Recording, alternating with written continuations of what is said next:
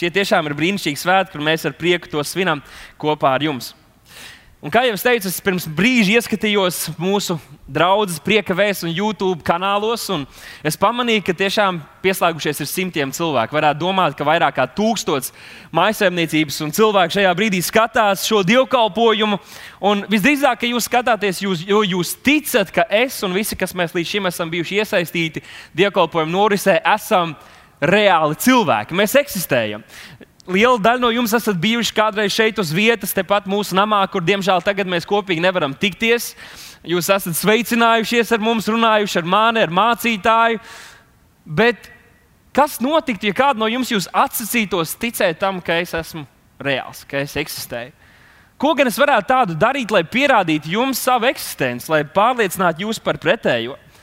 Mēs varētu pavadīt vairākas stundas, un es jums dotu dažādus manuprāt, mani, manus, mani, manuprāt, loģiskus pierādījumus, un jūs visus tos varētu noraidīt un atrast citus alternatīvus izskaidrojumus tam.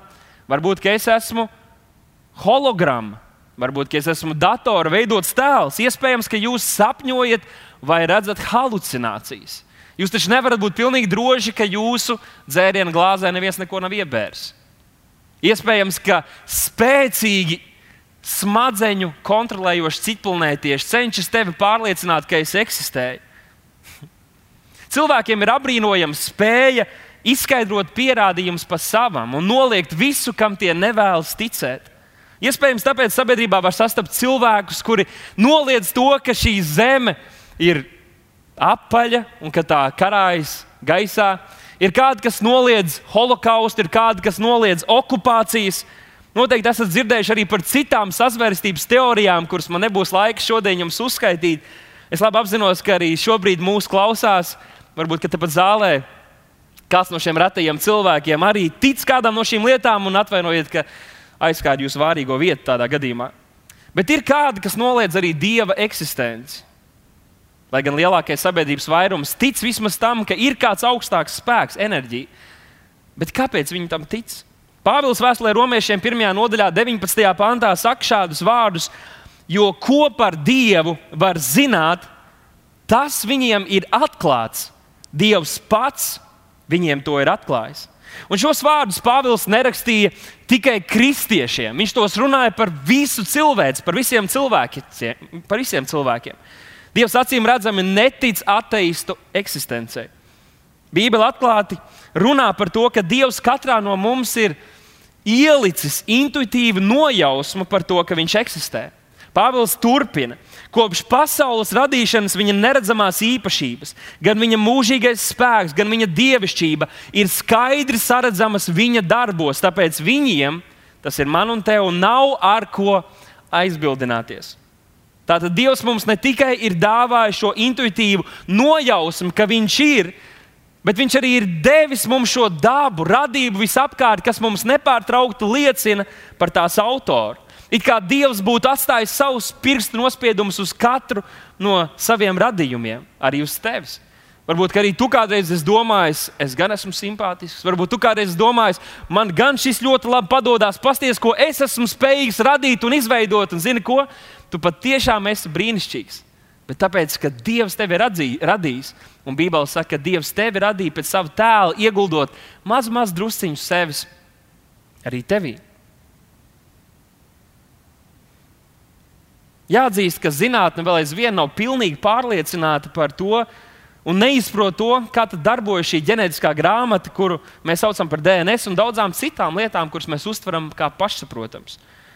Jūs šobrīd esat pieslēgušies tiešraidē un tā skatāties savos televizoros, viedierīcēs, Un jūs esat pilnīgi pārliecināti, ka bija kāds cilvēks, bija kāds uzņēmums, kurš tās izveidoja. Jo jūs tās visdrīzāk nopirkāt veikalā, vai kāds jums tās uzdāvināja, pirms tam nopirkt veikalā, nevis tās atradāt mežā, atradāt tās vienkārši miljardiem gadu garumā, tās pašas no sevis bija izveidojušās, to atrada telefonu. Un, ja gadījumā tu te, telefonu atradi mežā vai kādā sabiedriskā vietā, tad visdrīzāk, ka tu esi pārkāpis septīto bausli, kurš saka, tev nebūs zakt. Pievēršot savu uzmanību radībai mums visapkārt, mēs nevaram noliegt to, ka kaut kas tik skaists, kaut kas tik dažāds, kaut kas tik detalizēts un ģeniāls nevarēja rasties pats no sevis, nevarēja nejauši rasties, Ir kāda vispēcīga, visur esoša, visu varoša būtne, kas to ir radījusi. Tā dzīvo varbūt citā realitātē. Aizbrauc uz jebkuru pasaules malu un zini, ko tu tur atradīsi. Jā, cilvēki ēd, cilvēki nokārtojas, un jā, arī vairojas, bet visam pāri viņi tic Dievam. Visur, kur tu aizbrauks, būs cilvēki, kas tic kādam augstākam spēkam.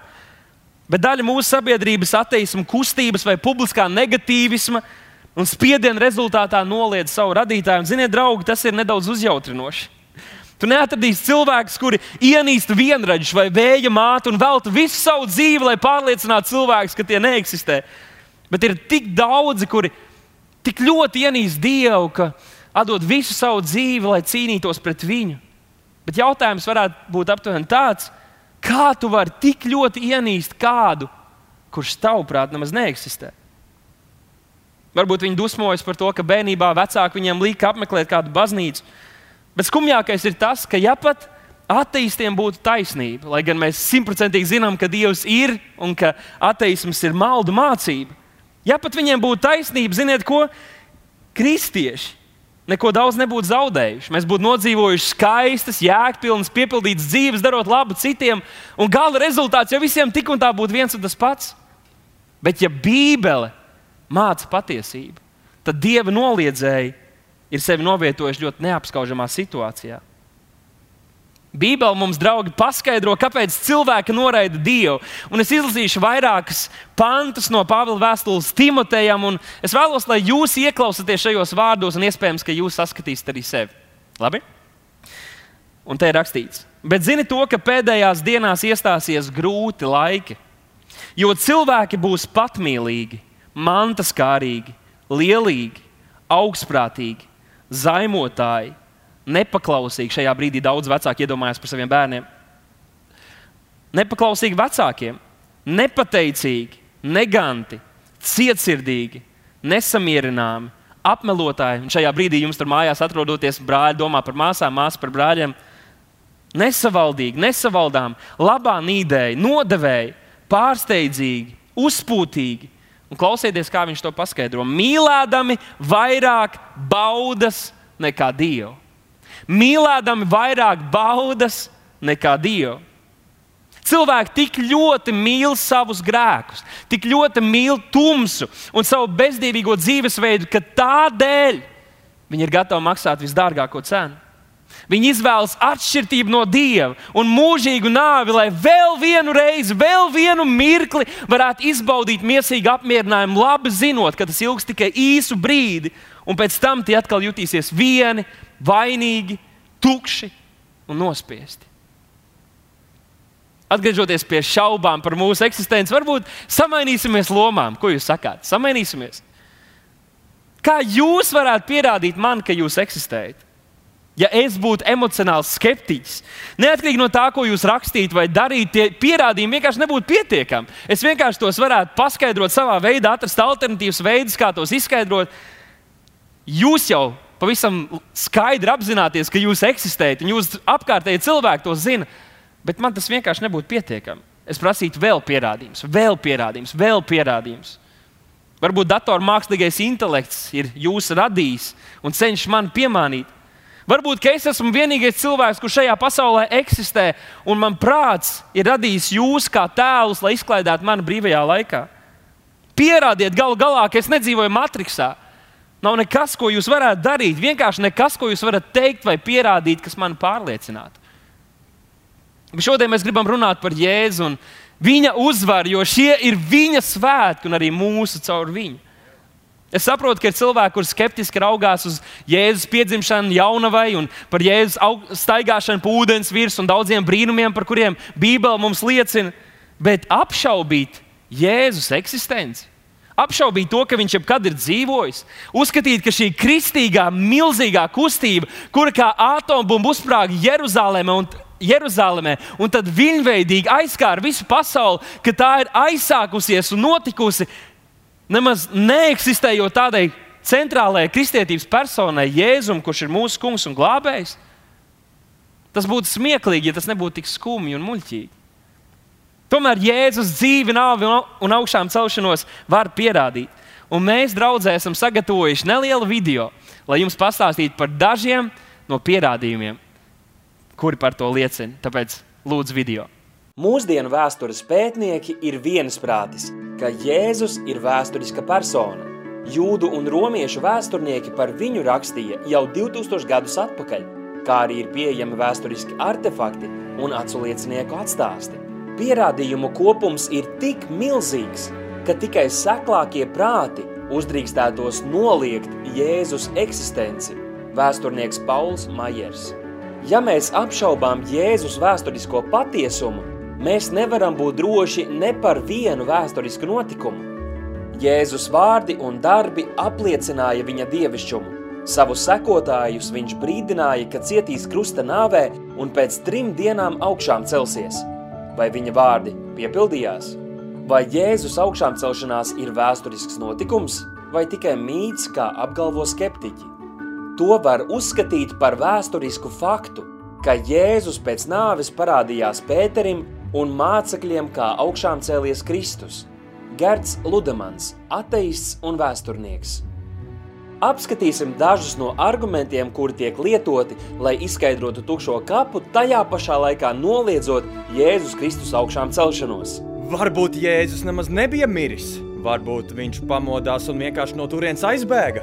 Nav nevienas liecības, ka kāds jebkad būtu izdzīvojis romiešu krusta nāvi. Vispirms notiesātais tika brutāli sists un šaustīts – Daudzi nomira jau šīs eksekūcijas laikā. Pēc tam sekoja krustā sišana. Nav šaubu, ka Jēzus bija miris. Varbūt mācekļi nozaga viņa mirstīgās atliekas. Jūdu garīgie līderi jutās apdraudēti, tāpēc pie Jēzus kapa novietoja romiešu gvardi, kuriem kaps bija jāsargā. Alai priekšā tika aizvelts un ar romiešu zīmogu aizīmogots aptuveni divas tonnas smags akmens. Mācekļiem praktiski bija jātop nemanāmiem, lai tie spētu aizlavīties garām otrajai sardzei, novelt smago akmeni un iznest Jēzus mirstīgās atliekas neviena nepamanīti. Varbūt kareivi, kas apsargāja Jēzus kapu, bija vienkārši aizmiguši?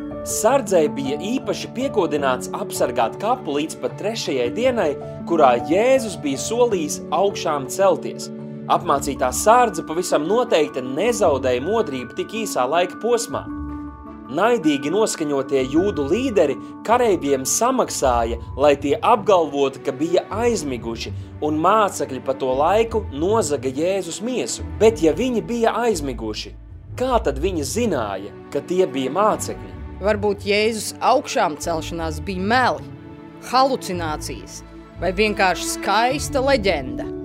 Versiju, ka mācekļi meloja par Jēzus augšām celšanos, apšauba tas, ka viņa parādīšanos apliecināja vairāk kā 500 cilvēku, un jebkurš varēja aiziet un apskatīt tukšo kapu. Mācekļus varēja ieslodzīt cietumā, sist, mocīt, nogalināt, bet nevarēja piespiest atteikties no pārliecības, ka trešajā dienā Jēzus augšām cēlās. Viņi par šo apgalvojumu maksāja ar savām dzīvībām. Vai mācekļi redzēja halucinācijas? Es nezinu, ko viņi būtu varējuši lietot, bet vai tas ir iespējams, ka desmitiem un simtiem cilvēku vienlaicīgi halucinācijās redz vienu un to pašu? Evanģēlīja un apustuļu darbi tika sarakstīti pašā mūsu ēras sākumā. Piemēram, Marka evanģēlijas stāsts par tukšo kapu tika sarakstīts septiņu gadu laikā pēc notikuma. Tas nav pietiekami ilgs laiks, lai izveidotos leģenda. Laikā, kad tika sarakstīta evanģēlija, citi acu liecinieki arī vēl bija dzīvi, tāpēc evanģēlija rakstītājiem un sludinātājiem bija jāņem tas vērā. Tas nozīmē, ka evaņģēlijus ir jāuzskata par Jēzus dzīves, nāves un augšām celšanās dokumentālu liecību. Pirmie atsliecinieki bija sievietes. Tā laika jūdu kultūrā sievietes tika uzskatītas par otrās šķiras cilvēkiem. Tāpēc fakts, ka tieši sievietes bija pirmās Jēzus augšām celšanās liecinieces un vīrieši to tā arī pierakstīja, apliecina šī notikuma patiesumu mācekļu radikālās pārmaiņas vienas nakts laikā. Sagrautie un nomāktie mācekļi, kuri bija piedzīvojuši sava skolotāja šausminošo nāvi, bija izbijušies un izklīduši. bet pēc neilga laika viņi piedzīvoja radikālas pārmaiņas. Pēteris tikko noliedzis Jēzu, kā arī citi mācekļi slēpās bailēs, bet pēc sastapšanās ar augšām celto Kristu sāka bezbailīgi sludināt prieka vēsti.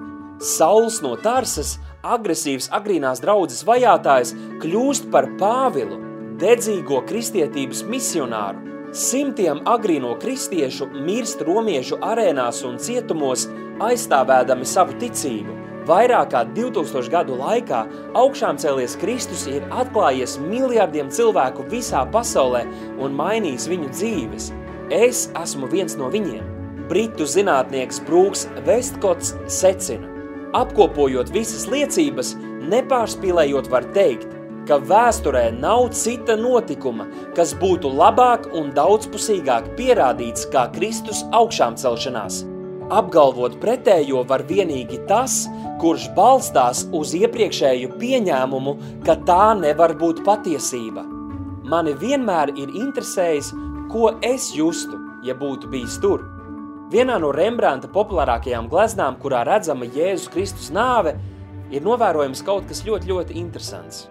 No pirmā acu uzmetiena glezna kā glezna, trīs krusta kalna galā, apkārt kareivji, bet ielūkojoties vērīgāk, var saskatīt ko neparastu. Tur attēlots cilvēks, kas nav no tiem laikiem. Šajā gleznā Rembrandts ielicis arī sevi. Ja tu varētu sevi iezīmēt gleznā, kurā attēlota Jēzus Kristus nāve, kas tu būtu? Bībele saka, ka mēs visi esam grēkojuši un esam vainīgi svēta Dieva priekšā. Mēs meklējam ceļus, kā attaisnot savu rīcību, salīdzinām sevi ar citiem, cerot izskatīties labāki, tomēr ielūkojoties dziļi savā sirdī, mēs zinām patiesību. Mēs visi esam grēcinieki, un mums visiem ir vajadzīgs glābējs. Tieši tāpat kā noziedznieks, kurš karājās blakus Jēzum, arī es vienu dienu atzinu savu grēku. Es biju melojis, zādzis, iekārojis un zaimojis – bet es pazemojos Dieva priekšā, nožēloju savus grēkus un uzticēju savu dzīvi Dievam. Viņš piedeva manus grēkus un izmainīja manu dzīvi. Jēzus augšām celšanās šodien var kļūt arī par tavu augšām celšanos. Kāds varētu teikt, nu labi, labi, labi. Pieņemsim, ka Jēzus tiešām bija vēsturiska persona. Un Pieņemsim, ka pastāv maza, maza, neliela, neliela iespēja, ka viņš arī augšām cēlās, bet ko jūs tur ņematies?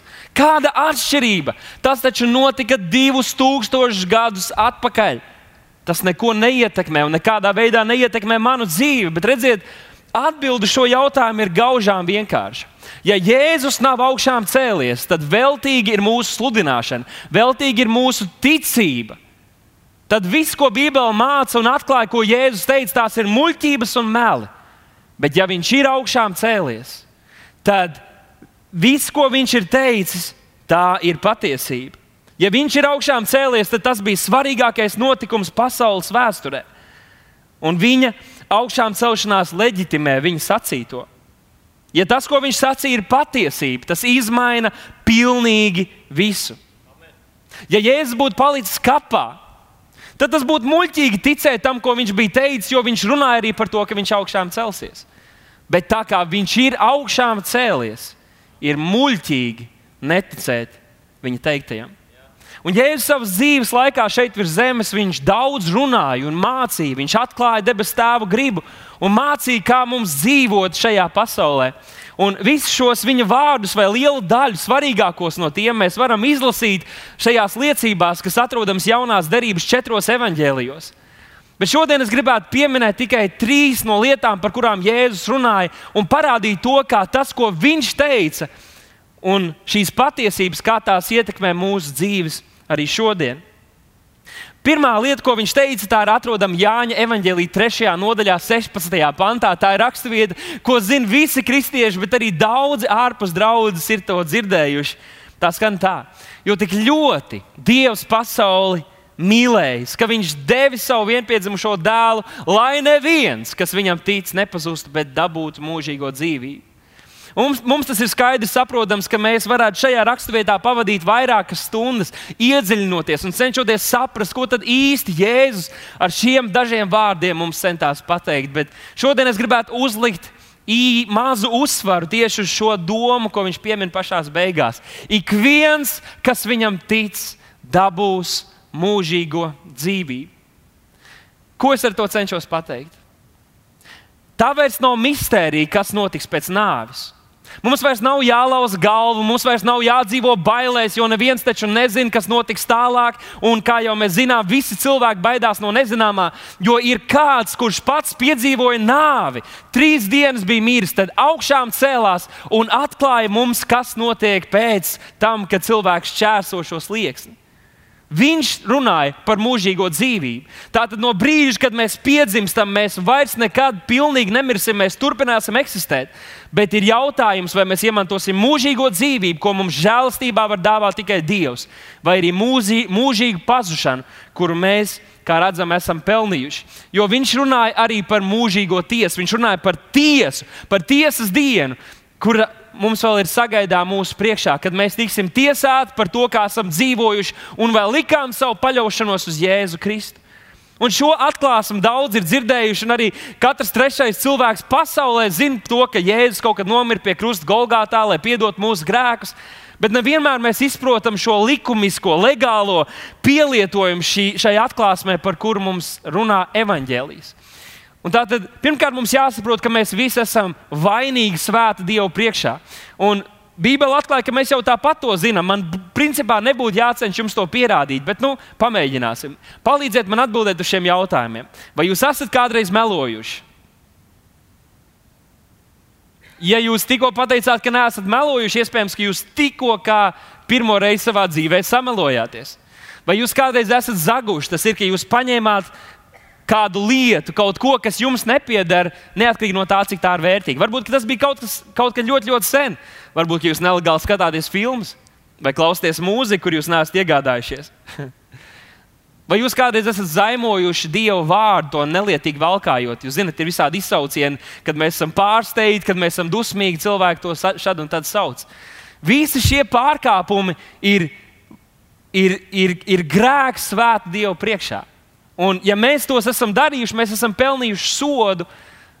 Bet Jēzus, kad viņš atnāca šeit virs zemes, viņš mums parādīja, ka tas, ko vecajā derībā Dievs bija atklājis caur bauslību, ir tikai tāds pats pats pamatiņš. Patiesībā Dieva standarti ir vēl augstāki. Jēzus teica, ja jūs uzskatāt kādu cilvēku, vīrieti, sievieti, vai vīrietis arī vīrieti, vai vienalga, ja jūs uzskatāt kādu otru cilvēku, to iekārojot savā domās, tad Dieva priekšā tas nozīmē, ka jūs jau esat pārkāpuši laulību. Un vecajā derībā laulības pārkāpēji grēks bija tik liels, ka viņi bija jānometā ar akmeņiem. Mēs esam vainīgi. Nu, pārcelsimies tagad uz iedomātu tiesas sēdi. Tu atrodies tiesas sēdē, arī mūsdienās atrodoties tiesas sēdē, un tiek pierādīts, ka tu esi vainīgs. Un lielākā daļa no jums droši vien atbildējāt, jā, arī jūs esat vainīgi pret svētu Dievu. Jūs nesat, mēs visi neesam ievērojuši viņa pavēles un nedzīvojuši pēc viņa standartiem. Un tagad tiesas sēdē tiek pateikts, tu esi vainīgs. Nekādas tevis atrunas nav derējušas. Tu nevarēji teikt, bet es tik daudz labu darīju. Es katru otro dienu kaimiņiem suni vedu ārā un vēl visu kaut ko labu esmu darījis. Tas neko nemaina. Ja tu esi centies dzīvot labi, tas, ka tu esi grēkojis, tas, ka tu esi zādzis, tas, ka tu esi pārkāpis likumu, tev tik un tā ir jāsamaksā sots.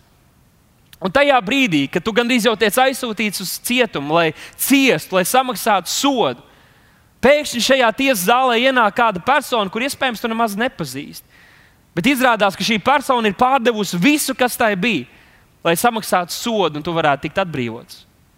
Šajā brīdī, lai gan tiesnesis, kurš ir taisns, viņš ir arī labs un patiess, un tev būtu jāsaņem sots, viņš nevar tevi vienkārši palaist brīvībā. Tev ir jāsaņem sots. Tādēļ, ka ir kāds, kurš ir samaksājis šo soda cenu par tevi, viņš legāli var tevi atlaist brīvībā, jo sots ir samaksāts. Tas ir tas, ko Jēzus izdarīja mūsu labā. Mēs katrs esam pelnījuši sodu mūsu grēku, mūsu kļūdu dēļ. Sots ir mūžīga atšķirība no Dieva. Bet Jēzus atnāca šeit virs zemes un samaksāja visdārgāko cenu, lai nevienam no mums nebūtu jāiziet pazušanā. Un viss, kas mums ir jādara, ir jāpieņem šī viņa žēlastības dāvana un jāļauj, lai tā, lai tā cena, ko viņš ir samaksājis, lai tā tiktu pieskaitīta mūsu labā. Otrakārt, Jēzus Jāņa Evangelī 14. nodaļā, 6. pantā teica šādus vārdus. Viņš teica, es esmu ceļš, patiesība un dzīvība. Neviens netiek pie tēva kā vienīgi caur mani. Visi cilvēki grib to atzīt vai nē, meklē patiesību. Un tādēļ daudz iespējams arī ir gājuši šo ceļu, noliedzot dievu vai kādas citas filozofijas, pieņēmuši savā dzīvē, kā Aleksandrs stāstīja, cenšoties atrast, kas tad ir patiesa, kas tad ir īsts. Un Jēzus augšām celtais Kristus šodien runā uz mums un saka, ja tu gribi patiesību, ja tu gribi patiesu dzīvību, tad es to tev tikai varu dot. Es esmu vienīgais ceļš, kas ved pie tēva pie tēva debesīs, kurš ar atvērtām rokām tevi gaida un grib tevi glābt. Grib tevi atklāties jau šeit virs zemes un arī dzīvot kopā ar tevi debesīs mūžīgi. Es atceros kādu notikumu, kad mēs ar ģimeni bijām tādā nelielā ceļojumā. Un, un mēs ar sievu gājām gar, gar mazu, mazu tādu kā strautiņu upīti. Grūti bija pateikt, kas īstā tāda bija. Bet mūsu mērķis bija vēlāk nonākt upes otrā pusē. Tātad atradāmies šajā pusē, mums vajadzēja to šķērsot. Un mēs palūkojāmies pa labi un ieraudzījām, ka jā, tajā upītē ir tāda tā neliela, nevisai nu, skaista, tāda necila, vienkārša pārēja izveidota. Nu, mēs jau kā jau normāli cilvēki gribam atrast kādu lielāku tiltu, gājēju pārēju, lai to varētu šķērsot, kur var uztaisīt kādu skaistu bildi, pēc tam ielikt Instagram, redzēt, mēs tur bijām un tā tālāk.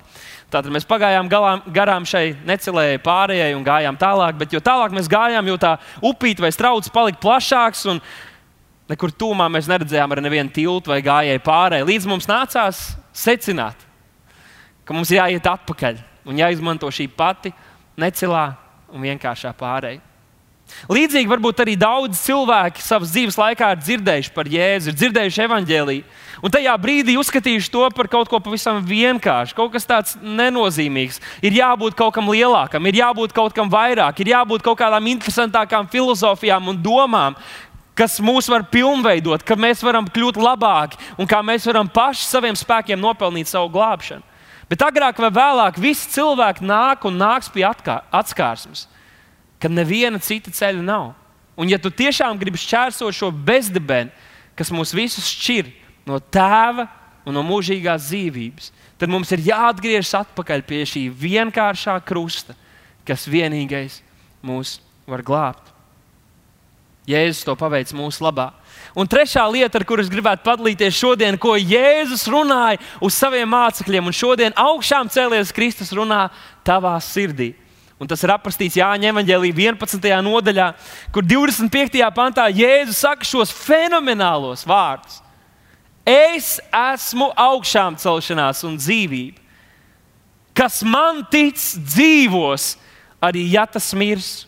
Un ik viens, kas dzīvo un tic man, nemirs nemūžā. Es esmu augšām celšanās un dzīvība. Mēs visi kādreiz nonākam savā dzīvē vietā, kad mēs saprotam, ka mums pietrūkst kaut kas. Mums pietrūkst spēka, mēs netiekam galā. Mūsu cilvēcīgie resursi, mūsu pašu spējas kādreiz vienkārši tiek izsmelts. Mums ir, ir brīži, kad mēs nonākam savu spēju galā. Bet Jēzus saka, ka tā augšām celšanās, kur Jēzus Kristus piedzīvoja 2000 gadus atpakaļ, tas nav tikai vēsturisks notikums. Viņš ir augšām celšanās un dzīvība. Tas nozīmē, ka šis pats augšām celšanās spēks, šī pati dzīvība, kas iemājo Jēzu Kristu, uzceļot viņa mirstīgās miesas no nāves, ir pieejams šodien arī tev un man. Mēs jau dzirdējām vairākas liecības par to, kā Dievs ir atklājies cilvēku dzīvēm un izmainījis tās dzīvība, augšām celšanās spēks, kas dziedina ģimenes un attiecības, dziedina no dažādām slimībām. Pavisam dažas, dažas dienas atpakaļ mums draudzēja kāda brīnišķīga ģimene. Visi, gan bērni, gan pieaugušie, bija pēkšņi pārņemti ar dažādiem simptomiem, kuriem skaidri liecināja, ka tas ir šis vīrus, kurš jau ir aizsniedzis tik daudzus tik izsaukt ātrā palīdzība, izdarīt testi tajā dienā, nākamajā dienā, lai tikai atklātu, ka tests uzrādīja negatīvu atbildi un simptomi kā ar nāzi ir nogriezti un pazuduši. Nebija vajadzīga nedēļa un vairāk. Mēs varētu stāstīt tik daudz brīnums, ko Dievs ir darījis. Dievs dod gudrību tiem, kam tā nepieciešama. Dievs dod spēku, tad, kad vairs tu nevari izturēt. Atzīst to, ka Dievs ir. Tā ir gudrība pazemoties Dievu priekšā un atzīt Tēvs. Es varētu censties vēl cīnīties, bet es vairs negribu cīnīties. Es negribu cīnīties pats pret savu iekšējo izjūtu un apziņu, ka tu esi. Es gribu padoties tev. Jo, godīgi sakot, tev nav daudz izvēļu, nav daudz iespēju. Tev ir jāizlemj. Vai nu tu uzskati, ka šis Jēzus, kurš patiešām vēsturiski ir eksistējis un tā ir reāla persona, tev ir jāizlemj, vai Jēzus bija melis, viltvārdis, varbūt viņš bija nojūdzies, varbūt viņš bija neprātīgais. Palas evanģēlijas un skaties, pie kādiem secinājumiem tu nonāksi. Trešais variants Varbūt, ka Jēzus tiešām ir Dievs, kurš nācis miesā. Kungu kungs un ķēniņu ķēniņš. Viņam ir piešķirts vārds, kur priekšā agrāk vai vēlāk visi, visas varas, visi cilvēki klanīsies viņu priekšā, metīsies ceļos. Tu vienīgi vari izvēlēties, vai tu to dari šodien labprātīgi, vai vēlāk tev tas būs jādara piespiedu kārtā. Šodien mēs atzīmējam to notikumu, kad Jēzus uzcēlās no miroņiem trešajā dienā, bet trīs dienas iepriekš Viņš atradās pie krusta Golgātā. Viņš uzņēmās uz sevis visus tavus grēkus. To sodu, kuru tu biji pelnījis savu grēku dēļ, viņš uzņēma uz sevi. Un tieši pirms viņš deva savu gāru, tieši pirms viņš zaudēja savu dzīvību, lai tu varētu to iemantot, viņš teica šos vārdus: Viss piepildīts. Viņš teica, viss piepildīts. Nav vairs itin nekas, kas tev varētu traucēt izdzīvot šo jauno spēku un dzīvības piepildīto dzīvi Kristu Jēzu. Viņš samaksāja visu cenu, viņš saņēma visu sodu. Viņš atvēra durvis, lai tu varētu dzīvot ar viņu, lai tu varētu piedzīvot viņu. Un nav labāks veids, kā mēs varētu noslēgt, un kā jau teicu, pēc brīža mēs vēl turpināsim pielūgt viņu Bet kāds varētu noslēgt šo uzrunu? Kā dodot tev un tavai ģimenei, taviem draugiem, ar ko jūs kopā skatāties, dot iespēju atsaukties Dievam šodien. Varbūt šajā brīdī svētais gars, jūti, ka kaut kas notiek tavā sirdī. Caur visām šīm liecībām, dziesmām un vārdiem, kurus es runāju. Varbūt tu jūti, ka ir pienācis brīdis arī tevi atzīt, ka tu vairs nevari pretoties acīm redzamai patiesībai, ka Dievs ir. Bībeli saka, ja mēs nožēlojam šo grēku, ka esam nolieguši Kristu, ka esam nolieguši viņa paveikto darbu, nožēlojam savus grēkus, visas mūsu kļūdas, un mēs esam gatavi mainīties. Mēs esam gatavi kaut ko darīt, lai mēs nepaliktu savos grēkos, lai mēs nepaliktu savas, savās mīsīgajās iekārēs, bet dzīvo Dievam patīkamu dzīvi viņa spēkā. Bībeli saka, ka tas, ko mēs varam darīt, mēs nevaram nopelnīt savu glābšanu. Un mūsu glābšanu nedod arī tas, ka mēs vienkārši apmeklējam draugus lasām Bībeli un skaitām kādus pantarīšus. Nē, glābšanu mēs varam saņemt tikai un vienīgi liekot savu paļaušanos un uzticību tam, ka Jēzus Kristus tiešām nomira pie krusta Golgātā un samaksāja visu cenu un saņēma visu sodu, kur to es pelnīju savu grēku dēļ. Un tad, ja mēs šo savu ticību izpaužam lūgšanā, Bībele saka, ka Dievs ir uzticams, un nevienu, kas viņu piesauc, viņš neatmet, un neviens no tiem arī nepaliek kaunā.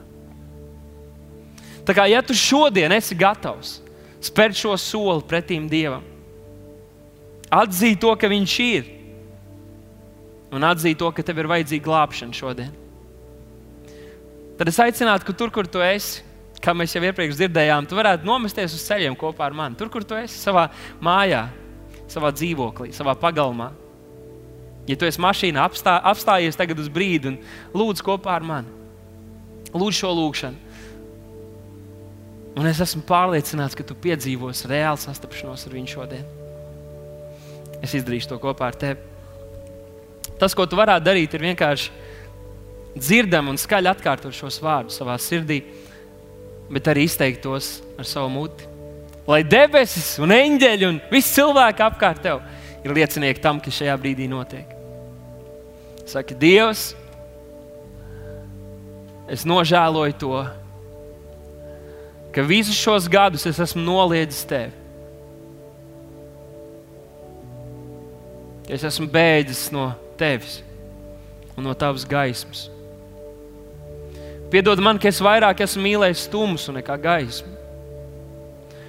Ka vairāk es esmu mīlējis savu grēku nekā tevi. Un šodien es lūdzu, piedod manus grēkus, šķīsti mani, atklājies man, Jēzu, izmaini manu dzīvi,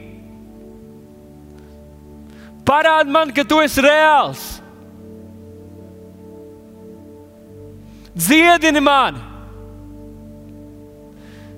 dziedina mans dvēseles rētas, ko man nodarījusi reliģija. Un dažādi citi maldi, kas man atšķiruši no tevis. Šodien es atdodu tev savu dzīvi, un es apliecinu, ka Jēzus Kristus ir Dieva dēls, kurš miris par maniem grēkiem un trešajā dienā augšām cēlies. Un šodien es lūdzu, Jēzu, esi tu mans kungs. Es pateicos, ka manas īstās mājas ir debesīs, jo es esmu glābts un tevis apžēlots. Es to lūdzu Jēzus vārdā. Amen. Tēvs, un es lūdzu, ka šajā brīdī, kungs, kad tu atklājies katram vienam, tēvs, kas savā mājā, slepenībā, dzīvoklī, visur, kur tie atrodas, tēvs, kas ir saukuši uz tevi, tēvs. Es pateicos, ka tu atklājies viņiem šajā brīdī. Kungs, ka tu pieskaries viņiem, kungs, ka tu izmaini viņus, tēvs. Kungs, ka tu liec viņu sirdīs jaunu sirdi, tēvs. Jaunas vēlmes, kungs, ka gaisma atspīd viņos šodien. Kungs, ka viņi var iepazīt tevi. Jēzus vārdā. Ja tu šodien pirmo reizi lūdz šo lūgšanu, es gribētu tevi no sirds apsveikt. Mēs visi draugi, visi simti cilvēki, kas esam šeit, tāpat visas debesis un eņģeļi, priecājamies par tevi. Jo noticis brīnums ir tavā sirdī. Jēzus ir augšām cēlies arī tavā dzīvēm.